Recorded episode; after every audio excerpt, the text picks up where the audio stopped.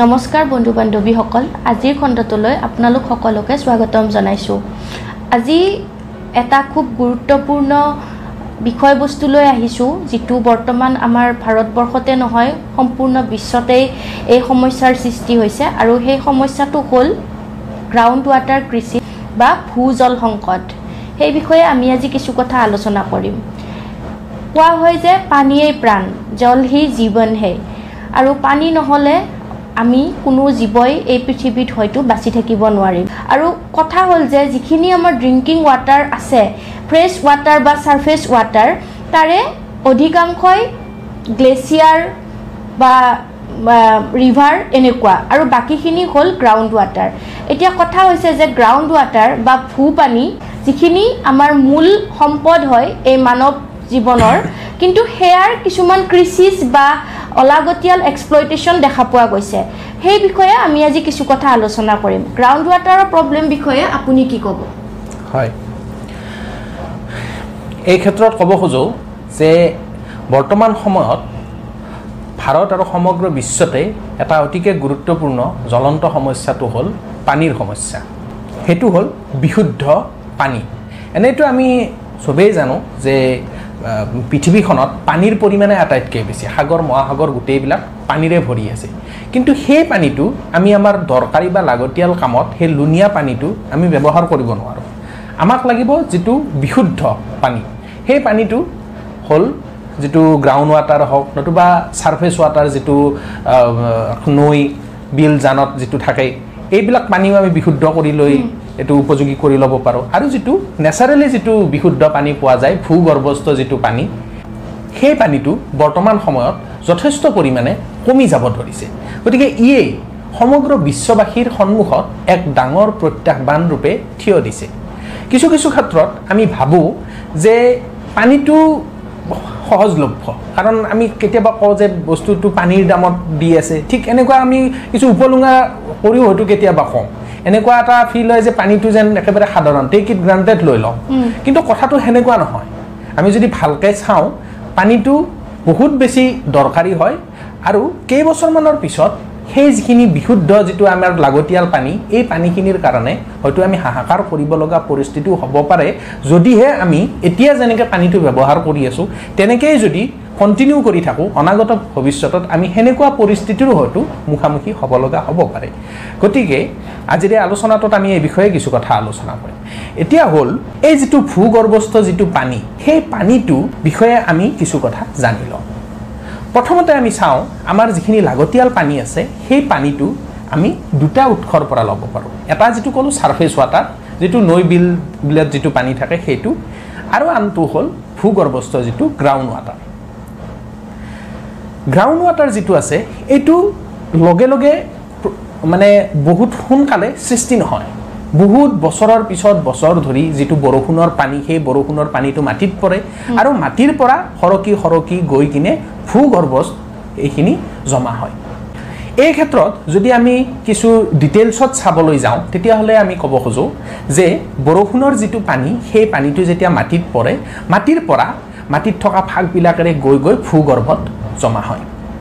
আৰু ভূগৰ্ভত কিছুমান ৰক থাকে এই ৰকবিলাকক পাৰ্মিয়েবল ৰক বুলি কোৱা হয়। এই পাৰ্মিয়েবল ৰকবিলাকত কিছুমান প'ৰ থাকে আৰু এই প'ৰবিলাকতে পানী গৈ জমা হৈ থাকিব পাৰে। আপোনালোকে চাওক যদিহে এই ৰকবিলাকৰ যিবিলাক প'ৰ আছে গোটেইবিলাক প'ৰ যদি পানীৰে ভৰি থাকে তেতিয়াহ'লে তাত ঠিক একজেক্টলি আমি ওপৰত মানে ছাৰ্ফেচত যদি আমি টিউবৱেলৰ পাইপ বহাই দিওঁ নতুবা কুঁৱা বহাই দিওঁ তেতিয়াহ'লে কি হ'ব? সেই পানীটো ওপৰলৈ উঠি আহিব। সেইটোৱে হ'ল গ্ৰাউণ্ড ৱাটাৰ গতিকে আপোনালোকে নিশ্চয় বুজিছে এই গ্ৰাউণ্ড ৱাটাৰটো তলত ষ্ট'ৰ হ'বলৈ বহুত বছৰৰ প্ৰয়োজন হয়। কিন্তু চাওক সেই এটোপাল এটোপালকৈ জমা হোৱা সেই পানীখিনি আমি এক মিনিটৰ ভিতৰতে কিমানখিনি উলিয়াই আনিব পাৰোঁ? আমি যদি পাম্প লগাই দিওঁ এক মিনিটত কিমান পানী ওলাই আহিব? কিন্তু সেই সমানখিনি পানী আমি যেতিয়া ভূগৰ্ভত ষ্ট'ৰ কৰোঁতে কিমান বছৰৰ প্ৰয়োজন হৈছিল আপোনালোকে ভাবক। গতিকে এইবিলাক কাৰণতে ভূগৰ্ভত থকা সেই পানীৰ পৰিমাণটো বহুত পৰিমাণে কমি গৈছে। ইয়াৰ উপৰিও আমাৰ কিছুমান অলাগতিয়াল ব্যৱহাৰো আছে। এতিয়া যদি আমি চাওঁ গাঁও অঞ্চলত প্ৰায় নব্বৈ শতাংশ পানী কিহৰ পৰা লোৱা হয়? নলী যিটো দমকল টিউবৱেল। যিটো- টিউবৱেল যিটো আছে টিউবৱেলৰ পৰা লোৱা হয়। একেদৰে যিবিলাক খেতি পথাৰ আছে সেই খেতি পথাৰত যিটো জলসিঞ্চন কৰা হয় সেই ইৰিগেশ্যনৰ মেইন চ'ৰ্চটোৱে হৈছে যিটো পাম্প মানে মাটিৰ তলৰ পৰা যিটো ভূগৰ্ভস্থ যিটো পানী সেই পানীটোত ইউজ কৰা হয়। ইয়াৰ উপৰিও ইণ্ডাষ্ট্ৰিখিনিতো আছে। আৰু আৰ্বান এৰিয়াজখিনিতো মেইনলি বৰিং কৰা পানীয়ে লোৱা। পানীয়ে লোৱা হয়। গতিকে এনেকুৱা ক্ষেত্ৰত যদি আমি এটা ডাটা এটা যদি আমি এনালাইচিছ কৰোঁ আমি গম পাম যে ভূগৰ্ভত থকা পানী যিখিনি আমি ব্যৱহাৰ কৰোঁ পঁচাশী শতাংশ পানী কেৱল কৃষি কাৰ্যত ব্যৱহাৰ কৰা হয়। বাকী থকা দহ শতাংশ পানী ইণ্ডাষ্ট্ৰি এৰিয়াত ব্যৱহাৰ কৰা হয়। বিভিন্ন ধৰণৰ ইণ্ডাষ্ট্ৰি চলাবৰ কাৰণে ব্যৱহাৰ কৰা হয়। আৰু পাঁচ শতাংশ পানী খোৱা পানী আমি যিটো ঘৰত ইউজ কৰোঁ ঘৰুৱা কাম কাজৰ কাৰণে সেইটো কামত বাকী পাঁচ শতাংশ পানী ইউজ কৰা হয়। গতিকে আমি গম পালোঁ যে এইট্টি ফাইভ পাৰ্চেণ্ট পানীয়ে কি কৰা হয়? খেতি পথাৰত ইউজ কৰা হয়। কিন্তু আপোনালোকে চাওক খেতি পথাৰত যিটো আমি পানী দিওঁ আমি কি কৰোঁ কোনো ধৰণৰ মানে বিজ্ঞানসন্মতভাৱে পানীটো দিয়া নহয় এনেই দি দিয়া। হয় এনেই আমি মানে কি হয় চৰকাৰেও কি কৰে ডিজেলত ছাবচিডি দিয়ে। তো কি কৰে ডিজেলটো কিনি আনি এনেই পাম্পটো চলাই থোৱা হয় যিমান পানীৰ প্ৰয়োজন আছে তাতকৈ বহুত বেছি পৰিমাণে পানী দি দিয়া হয়। ফলত কি হয় পানীখিনি অপচয় হয়। গতিকে এইটো এটা বহুত ডাঙৰ কাৰণ। আপোনালোকে যদি চাই যে উত্তৰ ভাৰতৰ যিবিলাক পাঞ্জাৱ হাৰিয়ানা এইবিলাকত আজিৰ পৰা বহুত আগতে যেতিয়া গ্ৰীণ ৰেভলিউশ্যন যেতিয়া এইখিনি অঞ্চলত হৈছিল তেতিয়া ইমানেই বেছি পৰিমাণে সেই অঞ্চলখিনিৰ ভূগৰ্ভস্থ পানীৰ অপচয় কৰা হৈছিল যে সেই অঞ্চলবিলাক বৰ্তমান অভাৰ এক্সপ্লইটেড ৰিজিয়নত। পৰি গৈছে। সেই অঞ্চল আৰু এটা কথা মই এইখিনিত ক'ব খোজোঁ যে হুইট বাৰ্লি যিখিনি খেতি হয় মেক্সিমাম যিটো পাঞ্জাৱ হাৰিয়ানাত হয় এইটো মানে আমাৰ ঠাণ্ডা বতৰৰ খেতি হয়। আৰু তেতিয়া পানীৰ স্কেৰচিটিটো বেছিকৈ হয় বৰষুণ নহয় আৰু তেতিয়া over exploitation of the ground water দেখা পোৱা যায়। সেইটোৱে। তো এইবিলাক ধৰণৰ হেৰি আছে মানে কাৰণ আছে যে পানীটোৰ এই অঞ্চলবিলাকত মানে কিয় স্কেৰচিটি এটা হৈছে। ইয়াৰ উপৰিও যদি আমি চাওঁ গোটেই ভাৰতখনত যিমানবিলাক মানে ভূগৰ্ভস্থ অৰ্থাৎ গ্ৰাউণ্ড ৱাটাৰ ৰিজাৰ্ভ আছে এই ৰিজাৰ্ভবিলাকক আমি চাৰিটা ভাগত ভগাব পাৰোঁ প্ৰধানত। প্ৰথম ভাগটো হ'ল যিটো নদীবিলাক যিখিনি উত্তৰ ভাৰতৰ যিবিলাক নদীয়ে হওক মানে Himalayan river Ganga Brahmaputra Indus নতুবা চাউথৰ ফালৰ যিকেইখন ৰিভাৰে হওক। এই ৰিভাৰৰ বেচিন কেইখনৰ যিবিলাক ৰিজাৰ্ভ আছে সেই- সেই সেইটো এটা।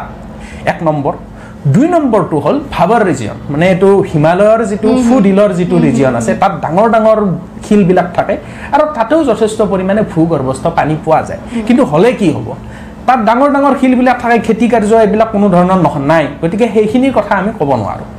তাৰপিছত তৃতীয় যিটো চ'ৰ্চ আছে সেইটো হ'ল আমাৰ ভাৰতৰ ক্ষেত্ৰত যিটো উপকূলীয় ৰিজিয়ন যেনে ৱেষ্টাৰ্ণ ঘাট আৰু ইষ্টাৰ্ণ ঘাট এই দুটাটো আছে পানীৰ ৰিজাৰ্ভ কিন্তু মানে কম আছে। কিন্তু ৱেষ্টাৰ্ণ ঘাটটোত আপোনালোকে জানে যে সেইখিনি পাহাৰীয়া এলেকা এলেকা। গতিকে তাত গ্ৰাউণ্ড ৱাটাৰটো এক্সট্ৰাক্ট কৰিবৰ কাৰণে ইমান সহজ কথা নহয়। আৰু ইষ্টাৰ্ণ ঘাটটোত ইমান বেছি পাহাৰ নাই। তাৰোপৰি বহুতকেইটা নদীও গৈ কিনে বে অফ বেংগলত লাগিছে। গতিকে এই- এইখিনিৰ পানী এক্সট্ৰাক্ট কৰিব পৰা যায়। কিন্তু অভাৰ এক্সপ্লইটেশ্যনৰ ফলত ইয়াতো ৰিজাৰ্ভটো কমি গৈ আছে।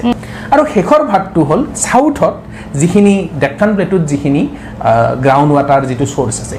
কিন্তু যদি আমি ক'ব খোজোঁ চাউথৰ ফালে যিখিনি মানে ভূগৰ্ভত যিখিনি ৰক আছে এইখিনি পাৰ্মিয়েবল নহয় ইমপাৰ্মিয়েবল একদম হাৰ্ড ৰক হয়। গতিকে একেবাৰে কম পানী ভূগৰ্ভত আছে। এই শিলৰ ফাকবিলাকৰ মাজেদি সৰকি সৰকি গৈ যিখিনি কম পৰিমাণৰ পানী তাত ৰিজাৰ্ভ হয়। মানে আমাৰ বাকী এই মানে গংগা ব্ৰহ্মপুত্ৰ বেচিনৰ দৰেকে কম্পেয়াৰ কৰিব নোৱাৰে তাত। তাত বহুত কম পৰিমাণৰ পানী ৰিজাৰ্ভ হৈ আছে। কিন্তু সেইখিনি পানীয়ে যদি আকৌ উলিয়াই অনা হয় তেতিয়াহ'লে কি হ'ব? তামিলনাডু বা এনেকুৱা ধৰণৰ দাক্ষিণাত্যৰ ৰাজ্যকেইখনত ডেফিনেটলি তাত ৱাটাৰ ক্ৰাইচিছ হ'বই। গতিকে আমি আলোচনা কৰিলোঁ যে এই চাৰিটা ভাগত এনেকৈ ভগাব পাৰি। এতিয়া উপকূলীয় ক্ষেত্ৰখিনি যদি আমি কওঁ তাত অভাৰ এক্সপ্লইটেশ্যন হৈ আছে। অভাৰ এক্সপ্লইটেশ্যন হোৱাৰ ফলত কি হৈছে? যিটো মানে উপকূলীয় হ'লে সাগৰৰ পাৰত হ'ব লাগিব। সাগৰৰ পানীটো কি? অলপ লুণীয়া লুণীয়া পানীটো। গতিকে সেই পানীটো অলপ আমাৰ গ্ৰাউণ্ড ৱাটাৰৰ লগতো মিক্স হয়। হৈ কিনে কি হয়? যেতিয়া অভাৰ এক্সপ্লইটেশ্যন হয় চইলটো মানে চল্টেড হৈ যায়। গতিকে তাত খেতি বাতিটো নানান ধৰণৰ বেয়া প্ৰভাৱ এটা পৰে। গতিকে এনেকুৱা এটা কথা লগতে গ্ৰাউণ্ড ৱাটাৰটো মানে কণ্টামিনেট হৈ যায়। কণ্টামিনেট হৈ যায়। আৰু লগতে দেখা পোৱা যায় যিখিনি ইণ্ডাষ্ট্ৰিয়েল ৱেষ্টেজ সেইখিনি আপোনাৰ চাব আমাৰ যিখিনি লেডাৰ ইণ্ডাষ্ট্ৰি আছে বা এনেকুৱা কিবা আছে মানে তাতে ফ্ল'ৰাইড মিক্স হৈ যায় মাটিৰ লগত আৰু তাৰ পাছত সেইটো গ্ৰাউণ্ড ৱাটাৰে শুহি লয় এবজৰ্ব. কৰি লয়। আৰ্চেনিকটো কৰি লয় যিটো মানে শৰীৰৰ কাৰণে ইমানে হাৰ্মফুল হয়। গতিকে সেইটো ড্ৰিংকিং ৱাটাৰ টাইপ হৈ নাথাকে। ইলিজিবিলিটিটো তাৰ নাইকিয়া হৈ যায়। নাইকিয়া হৈ যায়। আৰু এইটো সাৰবিলাক যেতিয়া আমাৰ কি মেক্সিমাম ফাৰ্টিলাইজাৰত ছাবচিডিটো কিহত দিয়া হয়? ইউৰিয়া জাতীয় সেনেকুৱা সাৰত দিয়া হয়। তো খেতিয়কে সেইটো সাৰ ইউজ কৰে। সেইটো পানীৰ লগত গৈ কিনে মানে ভূগৰ্ভস্থ পানীৰ লগত মিহলি হৈ যায়। নাইট্ৰেটৰ মানে এটা মিক্সাৰ এটা পোৱা যায়। গতিকে এইবিলাকৰ ফলত কি হৈছে? খোৱা পানীত আৰ্চেনিকেই হওক ফ্লৰাইডে হওক নাইট্ৰেটেই হওক এইবিলাক পোৱা গৈছে। এতিয়া দেখা পোৱা গৈছে যে ফিফটি পাৰ্চেণ্টহে এভেইলেবল আছে আমাৰ গ্ৰাউণ্ড ৱাটাৰ. আৰু সেইখিনিও খোৱাৰ যোগ্য হৈ থকা নাই কণ্টামিনেট হৈ। মানে দূষিত হৈ গৈছে পানী। সেইটোৱে। আৰু দেখা পোৱা যায় যে মানে মানুহৰ এক্সেচিভ মানে আমাৰ টিউবৱেল ৰিভলিউশ্যন এটা হৈছিলে। আৰু তাৰ পাছত মানে গ্ৰাউণ্ড ৱাটাৰ এক্সট্ৰেক্ট কৰিবলৈ এক্সেচিভ টিউবৱেল ইউজ কৰা গ'ল। হয়। তাৰ ফলত গ্ৰাউণ্ড ৱাটাৰ ক্ৰাইচিছটো বহুত বেছি বাঢ়ি গ'ল। সেইটোৱে। আৰু চাওক মানে চিটিবিলাকে হওক যিখিনি চৰকাৰীভাৱে ৱাটাৰ ডিষ্ট্ৰিবিউশ্যন ছিষ্টেম যিবিলাক আছে তাত মই নিজেই কিছুমান ক্ষেত্ৰত মই নিজেই দেখিছোঁ যে পানীৰ যিবিলাক পাইপ থাকে ড্ৰিংকিং ৱাটাৰ পাইপ যিবিলাক থাকে কেতিয়াবা তাত মানে ৰিপেয়াৰ কৰা নহয়। ক'ৰবাত হয়তো জইণ্টটো ছিঙি যায় সেইবিলাক ৰিপেয়াৰ কৰা নহয়। নহ'লে কি হ'ব পানীটোতো সময়মতে দিবই। তেতিয়া কি হ'ল সেই সেইবিলাক যিবিলাক জইণ্ট ফাট মেলি আছে সেইবিলাকেদি পানীবিলাক গুচি গৈ থাকে। এনেকুৱা কোনো ধৰণৰ কেলকুলেশ্যন কৰা নহয়। বা কিছুমান জেগাত এনেকুৱা হয় যে দৰকাৰেই নাই তাত। ছাপ্লাই পানীটোৰ হয়তো কিছুমান জেগাত দৰকাৰেই নাই। তাত এনেই হয়তো এটা দি থৈ দিয়া আছে। গতিকে তাৰ পানীখিনি কোনো লোৱাও নাই দিয়াও নাই এনেই পৰি পৰি নষ্ট হৈ আছে। গতিকে এনেকুৱা ধৰণৰ সমস্যাও দেখা পোৱা যায়। আৰু আটাইতকৈ ডাঙৰ আৰু এটা সমস্যা আছে যিটো বিগ ডামবিলাক যিবিলাক আছে। নদীত ডাঙৰ ডাঙৰ বান্ধ দি কিনে ইলেক্ট্ৰিচিটি প্ৰডাকশ্যনেই হওক নতুবা ইৰিগেশ্যনৰ কামতে হওক এইবিলাক ইউজ কৰা হয়। কিন্তু তেতিয়া কি হয় যেতিয়া দামটো যেতিয়া দিয়া হয় পানীৰ যিটো লেভেল নদীখনত বহুত পৰিমাণে কমি যায়। আৰু কি হ'ব? ইয়াৰ ফলত যিটো গ্ৰাউণ্ড গ্ৰাউণ্ড ৱাটাৰ যিটো হ'ব নদীখনৰ পৰা যিটো পানী গৈ গ্ৰাউণ্ড ৱাটাৰত জমা হ'ব এইটোতো এফেক্ট পৰিব। গতিকে এনেকুৱা ধৰণৰ বহুত উদাহৰণ আছে। উদাহৰণস্বৰূপে উত্তৰ প্ৰদেশত ৰামগংগা নদীৰ ওপৰত যিটো কালাগাৰ বান্ধ যিটো আছে ইয়াৰ ফলত এটা সময়ত যিখন ৰামগংগা নদী একদম ফেনে ফুটুকাৰে বৈ আছিল সেইখন এতিয়া প্ৰায় এটা মৰাসুটিৰ দৰে হৈ গৈছে। গতিকে ইয়াৰ ফলত কি হৈছে গোটেই ইক'ছিষ্টেমটোৱে তাত ডেষ্ট্ৰয় হৈ গৈছে। এনেকুৱা বহুত ধৰণৰ কাম আমি কৰি আছোঁ আমাৰ মানুহে কৰি আছোঁ। ইয়াৰ ফলত কি হৈছে পানীটো গ্ৰাউণ্ড ৱাটাৰ লেভেলটো কমি গৈ আছে। আৰু এটা ডাঙৰ সমস্যা হ'ল যে ডিফৰেষ্টেশ্যন এতিয়া আৰ্বানাইজেশ্যন ইণ্ডাষ্ট্ৰিয়েলাইজেশ্যন বাঢ়াৰ লগে লগে গছ গছনিবোৰ মানুহে কাটিব ধৰিলে। আৰু লগে লগে কি হ'ল যে গছ গছনি কটাৰ লগে লগে আমাৰ চইলে যিটো গছৰ শিপাৰ পৰা পানীটো এবজৰ্ভ কৰে যিটো গ্ৰাউণ্ড ৱাটাৰত জমা হৈ গৈ গ্ৰাউণ্ড ৱাটাৰ হিচাপে সেইটো নাইকিয়া হৈ গৈছে। আৰু লগতে চইলটো মানে গ্ৰাউণ্ড ৱাটাৰটো শুকাই গৈছে পূৰা তলত।